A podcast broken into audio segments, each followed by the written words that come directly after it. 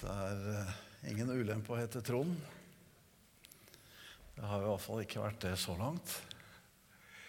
Jeg vil også hjertelig eh, si takk for eh, gaven til Evangeliesenteret. Og vi er takknemlige for at veldig mange rundt omkring i Norges land av enkeltgivere og menigheter ønsker å støtte vårt arbeid. Og som sagt, det er helt avgjørende for at virksomheten skal fortsette. Og nå ble vi jo i sommer 38 år, som om ikke altfor lenge, så er det jo faktisk 40 år Evangeliesenteret har fått lov til å hjelpe mennesker som er kommet i nød pga. rusmisbruk. Og ved å oppsøke og hjelpe og rehabilitere så ønsker vi å se mennesker rusfrie og mer til. Vi ønsker å se mennesker frelst og bevart i dette livet og for evigheten. Gleden, den er viktig i livet. Det er ting du kan glede deg over i denne verden, og det er ikke noe galt i det. Men det er bare det at uh, all den glede som fins i denne verden, har en uh, utløpsdato i de fleste tilfeller. Mens det fins en uh, glede som varer ved, og som faktisk kan være en styrke når livet treffer. Og Derfor sier Bibelen at gleden i Herren, det kan være en slik styrke. Det er ikke de ting som vi omgir oss med i verden her og nå, som vi kan støtte oss for mye til i sånne anledninger. Men det er en eh, styrke i det å ha sin glede i Jesus Kristus. Og det er gitt oss én frelser og én frelse. Og det er gitt oss ett navn ved hvilket vi kan bli frelst. Og så mener mange at uh, dette er komplisert. Jeg mener at Gud har gjort det veldig enkelt. det er ett sted å komme. Det er én person å henvende seg til. Det er ett navn som det er frelse i, og hans navn er Jesus Kristus. Ja, da var det stille i denne katedralen, men som eh, en salig pinsevenn sa, amen og takk og lov. Ja. Og jeg skal ikke forsøke å dra i gang noe her. Jeg ønsker helst at Den hellige ånd skal gjøre det. Som en eh, velkjent tidligere bibellærer, forkynner i våre kretser, Oddvar Nilsen, sa jeg leser ikke Bibelen for å få en preken, men når jeg leser Bibelen, så får jeg ofte en preken. Og det har jeg også fått til eh, denne formiddagen, og det er en tekst jeg har tatt med meg nå i senere tid. Og vi finner den i Markus evangeliet og det niende kapittelet. Og så får vi be Gud om nåde over stunden. Herre, vi takker deg for dette formiddagsmøtet, for alle oss som er samlet her i evangeliehuset. Vi eh, kommer framfor deg, og vi ber om at du fyller på i tomme kar. Vi ber deg, Herre, om at du er den som fyller alt i alle og i alle behov. Og Nå ser du teksten i formiddag, Herre, og du ser det jeg har tenkt å bringe fram. Og takk at det skal mette mange behov. Takk at det skal være etter mat for de som er sultne og har behov i formiddag. Amen. Forut for dette kapittel 9 og det som eh, vi skal se i teksten i formiddag, så sier også Jesus noe om det å ta skade på sin sjel, og hva skal man gi til vederlag for sin sjel? For det står i slutten av kapittel 8 om det å søke å berge livet sitt, eller det å ta risiko på livet sitt for evangeliets skyld. Da sier Jesus det er bedre å miste livet enn å vinne livet. Og Derfor sier han også det er mye verre å vinne i denne verden og tape livet i Gud. Og evangeliet er en kraft til frelse, og gleden i Herren er vår styrke. Så vi har jo ingenting å komme med framfor Gud. Hva skal vi bringe framfor Gud for vår sjels frelse? Nei, ingenting. Det fins ikke noe menneske i denne verden som kan bringe noe framfor Gud som skulle gi vederlag for den enkeltes frelse. Og det gir oss noe når vi skal inn i det vi skal lese her i kapittel 9. Og vi leser fra vers 2. Seks dager etter tok Jesus med seg Peter, Jakob og Johannes og førte dem opp på et høyt fjell. Der var de for seg selv, helt alene, og han ble forvandlet for øynene deres. Hans klær ble så skinnende hvite at ingen på jorden som bleke klær kan få dem så hvite. Og Elia viste seg for dem sammen med Moses, og de samtalte med Jesus. Da tok Peter til orde og sa til Jesus, 'Rabbi, det er godt at vi er her. La oss bygge tre hytter, en til deg, en til Moses, en til Elia.' Han visste ikke hva han skulle si, for de var slått av frykt. Da kom en sky, overskygget dem, og en røst lød ut fra skyen. Dette er min sønn, den elskede. Hør ham. Og med ett, da de så seg omkring, så de ikke lenger noen hos seg uten Jesus alene. Og da, gikk, og da de gikk ned fra fjellet, bød han dem at de ikke skulle fortelle noen hva de hadde sett før menneskesønnen var stått opp fra de døde. De holdt fast ved dette ordet, og de talte med hverandre om hva det er å stå opp fra de døde. Amen. Ole og Laila her de har eh, en hobby som eh, er kjempeflott. De bestiger topper. De liker høye fjell og den slags utfordringer, og de får mye igjen for det. De får god helse og sikkert også godt for huet, som en sa. En Rogalendinger sier 'må ut og lufte hvete', var det en som sa. Men det som skjer når du kommer på et høyt sted, det er jo at det meste er deg underlagt. Og du føler at eh, du står eh, ingen ved siden og ingen over, men alt ligger under.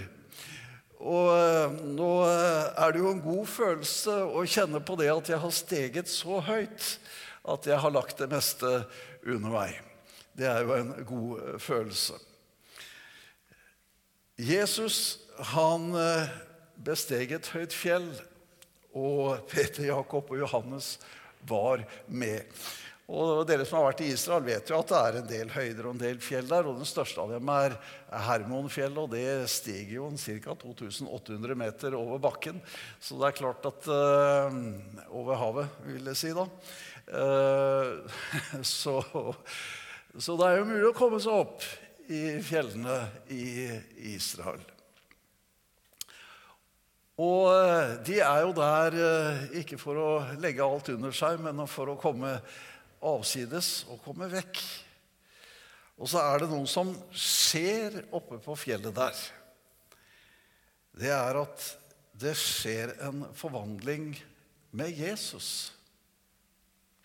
Plutselig så stråler han med en veldig kraft av et veldig lys.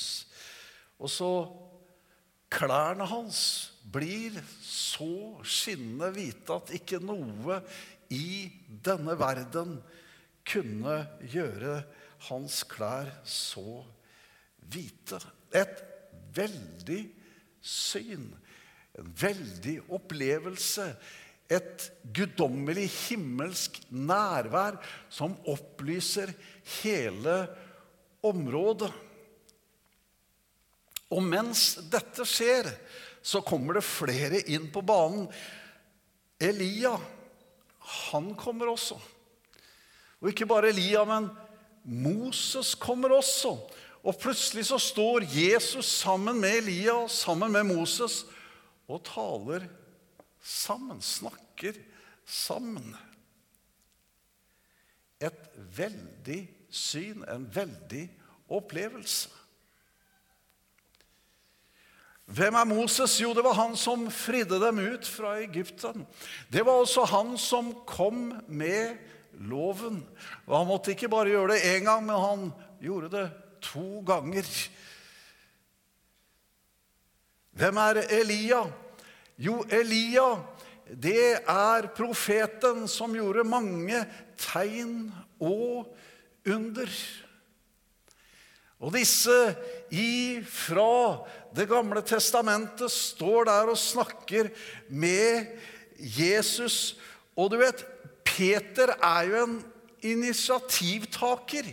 Men akkurat i denne situasjonen her så var jo han fisker, vet vi. Men plutselig nå så blir han liksom en snekker. For han, liksom, han, han vet nesten ikke hva, hva, han skal gjøre oppå fjellet der. I dette veldige gudsnærværet så, så, så går det litt rundt for han, så sier han dette. skal, skal vi bygge litt her nå? Vi tar og bygger litt. Ja, det gjør vi. Vi, vi tar og bygger tre hytter, gjør vi faktisk. Vi tar én til Moses, én til Elia og én til deg, Jesus. La, la, la, oss komme i gang og bygge her nå. Ja, det er jo herlig å bygge der hvor du opplever Guds nærvære.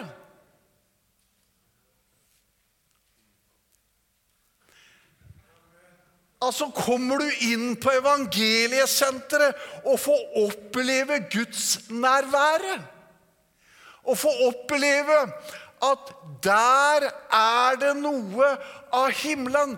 Der er det et lys, der er det en kraft, der er det en tilgjengelighet. Der er Jesus midt iblant. Så er det klart at eh, Skal vi bygge litt? Her vil ikke jeg flytte fra. Og vi har det sånn på evangeliesenteret at de, vil jo helst være der. vet du. Jesus. Jeg så kom og spurte Ludvig en gang for mange mange år siden. Det er en sånn klassiker. Så Han hadde ikke fått garanti som de fleste som kommer til evangeliesenteret. Så han hadde ikke noe penger for å være der. Så han ble litt bekymra. Så sa han at jeg har jo ikke noe penger sånn. Hvor lenge skal jeg få lov til å være her, Ludvig? Du kan være helt til Jesus kommer igjen, sånn. Så det er klart at vi, vi, vi, har noen boliger, da, som folk Vi har bygd litt. Men der hvor gudsnærværet er Hør her. Det er én ting som gjør at folk kommer. Det er én ting som gjør at folk blir. Hva er det? Det er Guds nærvær og åpenbaring. Intet mindre, intet mer. Og du trenger ikke mer heller.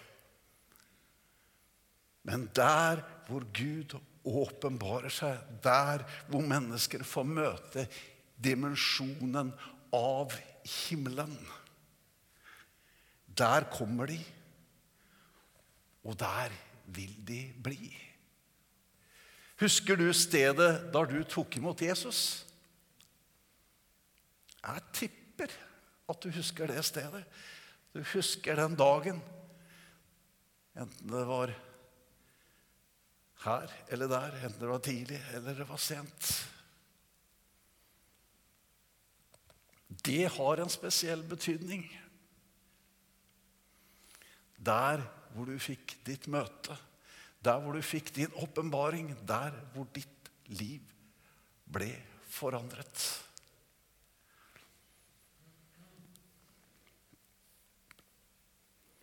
Og etter at Peter hadde tilbudt seg å bygge det står at Han visste ikke hva han skulle si. Slått av, av frykt, slått av undring. Et veldig gudsnærvær. Vi blir små, vi mennesker, når Gud gjester oss. Så kommer det en sky og overskygger dem alle sammen. Men så lyder en røst. Dette er min sønn, den elskede. Hør ham. Jeg siterte et par ganger før i Bibelen, men det kommer her igjen. Dette er min sønn, den elskede. Hør ham. Og med ett, da, så letter denne skyen. Og når den letter, så er Elia borte, og Moses er borte. Men Jesus er heldigvis ikke borte. Igjen er Jesus alene. Vet du at Jesus, han er oppfyllelsen av loven? Av det Moses sto for. Men han var også oppfyllelsen av profetiene som Elias sto for. Nå var ikke Elia den første profeten, for det var Samuel. Da presteskapet ikke fungerte, og Gud hadde jo behag i å ville tale til folka allikevel, så når presteskapet ikke kunne brukes, så reiste han opp en ny tjeneste for å tale til folket sitt, som han elska. Men Jesus er oppfyllelsen av både loven og profetiene. Han er Guds enbårne sønn. Men han er også en annen ting, og nå må jeg skynde meg i mål. Og han sier det.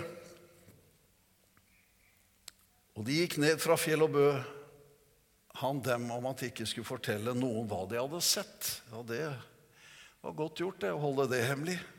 Før menneskesønnen var stått opp fra de døde. Her bruker Jesus et uttrykk 'menneskesønn' om seg selv, og han gjør det mange ganger, og iallfall i Markus' evangeliet. Hva var det som gjorde at denne Guds enbårne sønn også er menneskesønn? Jo, fordi at han måtte bli gjort til kjøds lignelse for å ta et oppgjør med synden for deg og for meg. Det var ingen av oss som kunne gi noe vederlag for vår sjel. Det var ingen av oss som med lov eller på annen måte kunne rettferdiggjøre oss selv innenfor den levende Gud. Men Gud hadde en plan ifra evighet av, og hva var det? Jo, han skulle sende sin enbårne sønn til verden for at hver den som tror på ham, ikke skulle fortapes, men av evig liv. Han er menneskesønnen som ble gitt til mennesker. Og han var uten synd. Halleluja.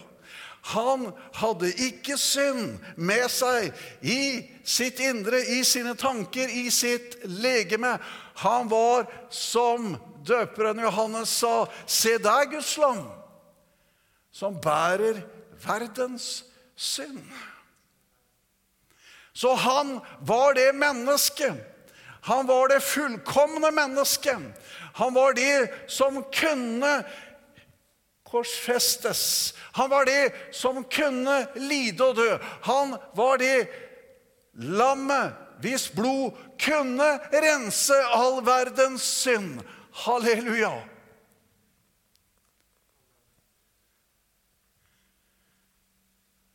Se det mennesket. Menneskesønnen. Og så gikk de og lurte på hva var det med den oppstandelsen. De hadde jo nettopp sett Elia og Moses, og det var jo sikkert uventet. Men tenk at det er en oppstandelse. Tenk at det er et evig liv. Ja, Derfor er det også nødvendig at vi lar oss frelse ifra denne verden og til Gud.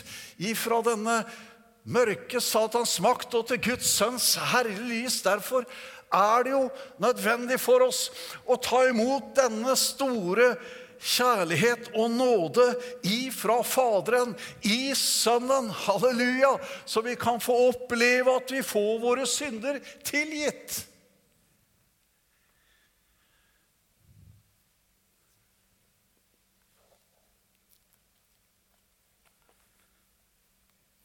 Så er vi slått ved avslutningen. Men Hebreerbrevet kapittel 1 sier noe. Han har nå i disse siste dager, fra vers 2 kapittel 1, talt til oss gjennom Sønnen. Ham har han innsatt som arving til alle ting. Ved ham har han også skapt verden. Han er avglansen av hans herlighet og avbildet av hans vesen og bærer alle ting ved sin krafts ord. Etter at han har fullført renselsen for våre synder, satte han seg ved majestetens høyre hånd i det høye. Han er blitt så meget større enn englene, han som har arvet herlig, et herligere navn fremfor dem. For hvem av englene har han noen gang sagt 'Du er min sønn, jeg har født deg i dag', og et annet sted 'Jeg vil være far for ham, og han skal være sønn for meg'. Og når han så igjen fører den førstefødte inn i verden, sier han, og alle Guds engler skal tilbe ham for en tid satt lavere enn englene. Han aktet ikke som noe som ble frarøvet han den herlighet han forlot i himmelen.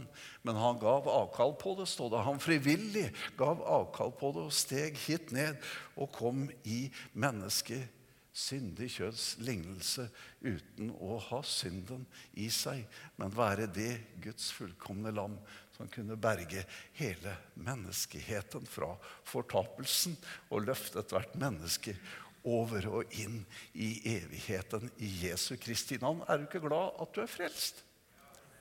Og Hvis du ikke er frelst, så kan du bli glad. For at det er muligheter for at også du kan få lov til å ta med Jesus og bli frelst. Hva betyr det? Jo, betyr at du er redda. Berget. For hva da? For tiden og for evigheten. Nå skal ikke jeg si veldig mye galt om mange andre, men jeg har jo lagt merke til at det finnes jo noen høytstående i Den norske kirke som av og til vil luke ut noen ting av denne boka her. Og Det siste jeg fikk lese om nå, var faktisk at gammeltestamentlige tekster det var liksom litt sånn greit å få rydda litt av. Men du skjønner det at eh, det er hele Guds råd til frelse. Altså, det hører med alt sammen. For du må ha bakteppet for at Jesus kommer. For å forstå hvorfor han kom. Hvorfor var det nødvendig for Jesus å komme? Jo, det var Guds evige frelsesplan for deg og for meg.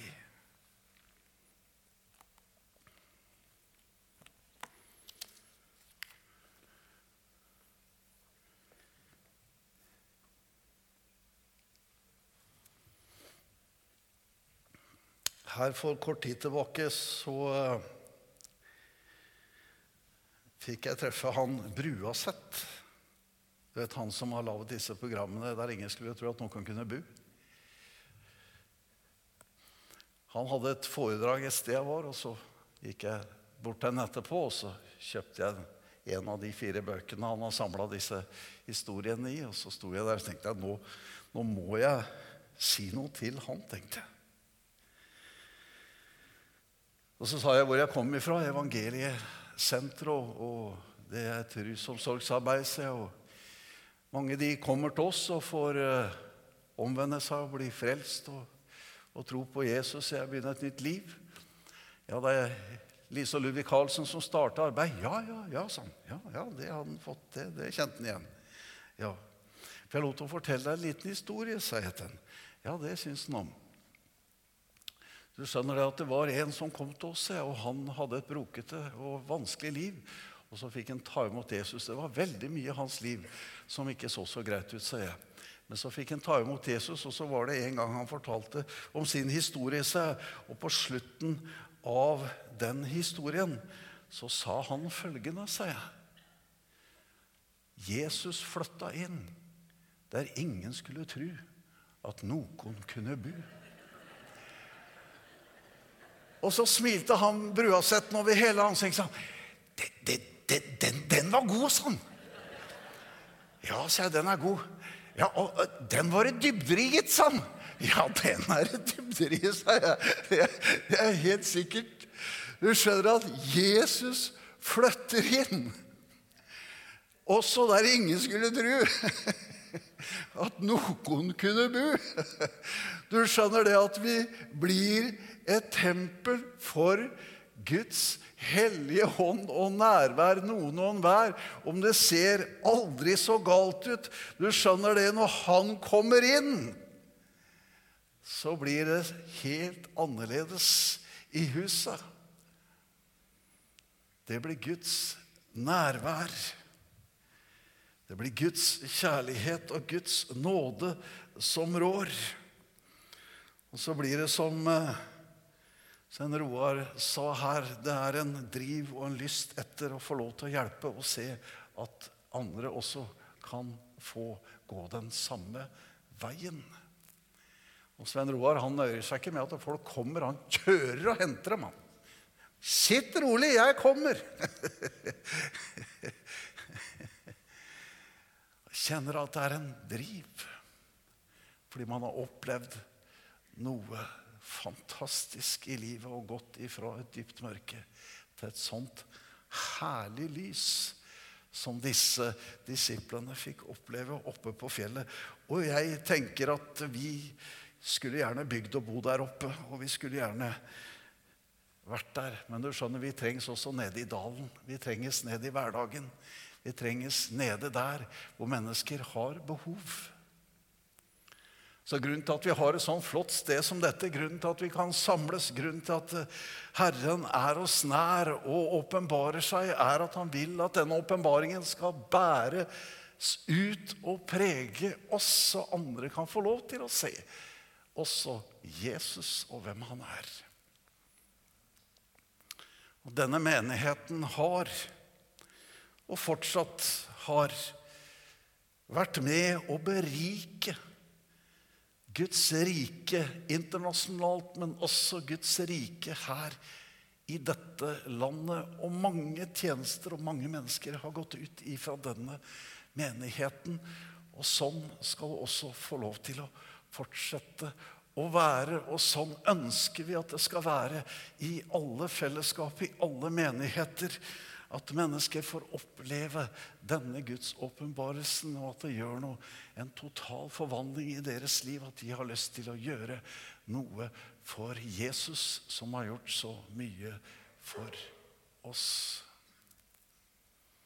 Takk, Jesus, at du er her i formiddag. Takk for din gode, hellige ånds nærvær. Takk at din ånd er innblåst i ditt eget ord.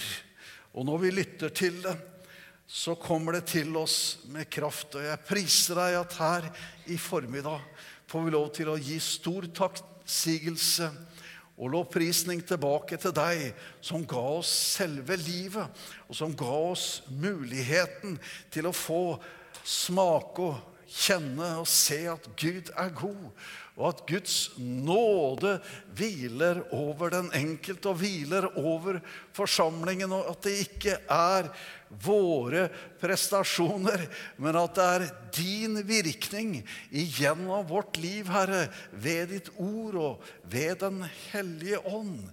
Takk, Jesus Kristus, at vi ennå forventer store og flotte ting ifra himmelen. Takk at vi ennå kan forvente, Herre, at mennesker skal få lov til å komme og oppleve ditt nærvær i vårt fellesskap. At de skal få lov til å merke og kjenne at her er det noe som ikke verden har, men som er for hver den som tror, og som er midt iblant de som tror, Herre. Jesus, styrk oss, Herre. Løft oss opp, Jesus.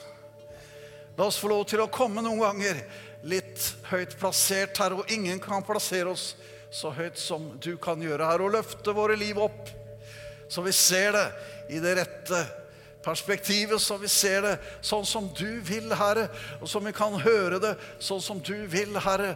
Jesus, vi priser deg At våre liv blir en gudstjeneste. At hele vårt liv blir en åndelig gudstjeneste, Herre. Hvor alt som i oss er, og alt vi eier og har, Herre, det blir til ditt navns ære, og til at mennesker får lov til å bli frelst, får lov til å bli løst, får lov til å bli lekt, Herre. Jeg priser deg at denne kilden med det levende vannet er midt iblant fortsatt, Herre. At det renner en strøm av liv i din forsamling. At det renner en strøm av velsignelse. Herre, du er ved ditt navn den salvede, men du salver også hver den du har valgt ut, Herre. Og du salver også din forsamling, Herre. Og du gir din forsamling, din brud, Herre, de hviteste klær, men også de mest dyrebare gaver, Herre Jesus, og tjenester, Herre. Vi priser deg. Vi takker deg for at bruden er hvit og ren, Herre. For at livet er oppgjort, Herre. Men for også at bruden her, halleluja, skal få lov til å tjene deg med de gaver og de muligheter du gir den å tjene i denne verden med, Herre. Takk, Jesus, at du skal reise nye generasjoner, nye mennesker, Herre. Takk at du, Jesus Kristus, skal gi nytt mot og nytt håp, Herre. Jeg takker deg for en hellig ånd som er oss midt iblant, Herre. Den hellige ånds kraft, Herre. Halleluja. Priset være ditt dyrebare navn. Amen. Takk, Jesus. I apostelens gjerninger så kommer Peter og Johannes til den niende time, til bønnens ved tempelet. Og der sitter en, han har vært lam helt fra han var liten. Og han eh, sitter der med tiggerhånda si, han ser i hånda si. Han ser ikke på dem. Han har aldri sett på noe av de som la noe i hånda hans, men han bare ser på hånda og forventer at det kommer noe. Men Peter sier, 'Se på oss'. Og så må han flytte fokuset fra hånda og se på Peter. Så tar Peter tak i den ene armen hans, hånda hans, og ber ham reise seg. Jesu Kristi av Nazarenes navn. Stopp og gå til en som aldri har gått. Som nerver, som sener, som fibre aldri har fungert i beina på. Men Gud som helbreder fullkomment, gjør at han også får umiddelbar koordinasjon. og kan begynne å gå. Og så kommer spørsmålet Ved hvilken kraft er det skjedd? Men en annen ting De spør etter ikke bare ved hvilken kraft, men ved hvilket navn. Hvilket navn? Det navnet som kan reise opp. Det navnet som har kraft til å reise opp. Fra rusavhengighet, fra sykdom, fra lammelse ifra blindhet, ifra døvhet, til og med fra graven. Reis opp. Det er en kraft. Og den kraften er i Jesu Kristi navn. Halleluja. Det er det Norge trenger. Det er det Porsgrunn trenger. Et Jesu Kristi navn som forkynnes med kraft, som gjør at mennesker blir revet ut og satt over Guds rike og kommer inn i frihet og får oppleve Gud i både sin kropp og sin sjel og sin ånd. Halleluja. Ser du det for deg? For hvis du ser det for deg, så er det mye lettere å be for det. Be om at mennesker må bli frelst, at syke må bli lekt, at mennesker som er bundet, må bli løst, at de som sitter i fangenskap, må slippe fri. At du får Guds tanke, Guds bilde, Guds ord, så du kan eh, se det framfor deg med. Ja, men det har vært så håpløst der, så håpløst der, det har vært problemer der, det er utfordringer der. Ja, livet utfordrer oss på mange områder, men det fins én som har triumfert overalt. Og hans navn er Jesus. Halleluja. Er du glad for det, Foruna? Smil lite grann da og si 'takk, Jesus'. Ja Så fantastisk. Skal vi reise oss?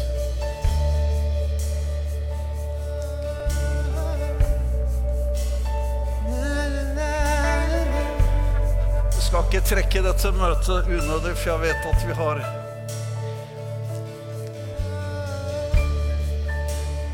en klokke som går, men, men i forhold til en evighet så er jo det ubetydelig. Men vi ønsker å gi muligheter til forbønn, hva enn det måtte være for. Og jeg håper ikke det er uvant å tenke at man kan komme til forbønn. Noen kan tenke koronarestriksjoner, selvfølgelig, så vi skal jo holde avstand. Og hvis du ikke ønsker at noen skal legge handa pent på skulderen din, og vi skal ikke puste på deg, og vi skal ikke på noen måte risikere noe som helst, men kan også bøye deg ned enkelt ved de første radene her og innvie deg til Herren og si, 'Jesus,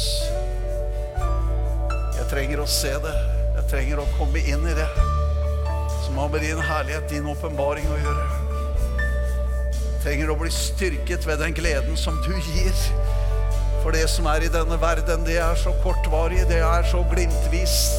Det holder bare kort tid. Herre, jeg trenger noe som varer, noe som stabiliserer, noe som uh, gjør noe med mitt følelsesliv, noe som gjør noe med mine tanker, noe som gjør noe med meg som menneske. Så vi ønsker deg velkommen om du vil ha forbønn. Men la oss prise Herren. Takk, Jesus, for din nåde. Takk at du ser. Fins det noen her som ikke har tatt imot deg, så er en nådesanledning i formiddag til nettopp å gjøre det. Og kom og si, Jesus, her er jeg ta over mitt liv. Tilgi meg mine synder. Og la meg få lov til å se ditt rike i mitt liv. Og noen er sliter kroppslig, Herre. Vi har tro på forbønn. Vi har tro for å be for de som sliter i kroppen og er syke. Vi har tro for å be for de som kjenner deg noen bånd og lenker som sitter så fast. Og be her om at de må brytes i dette navnet som er over alle andre navn.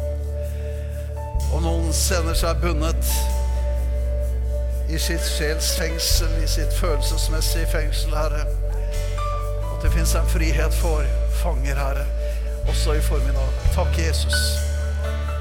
For det er gitt oss et navn over alle andre navn, og det ønsker vi ifra vårt hjerte å tro på og bekjenne. Halleluja. Og der fins løsningen for ethvert menneske, for enhver situasjon, Herre.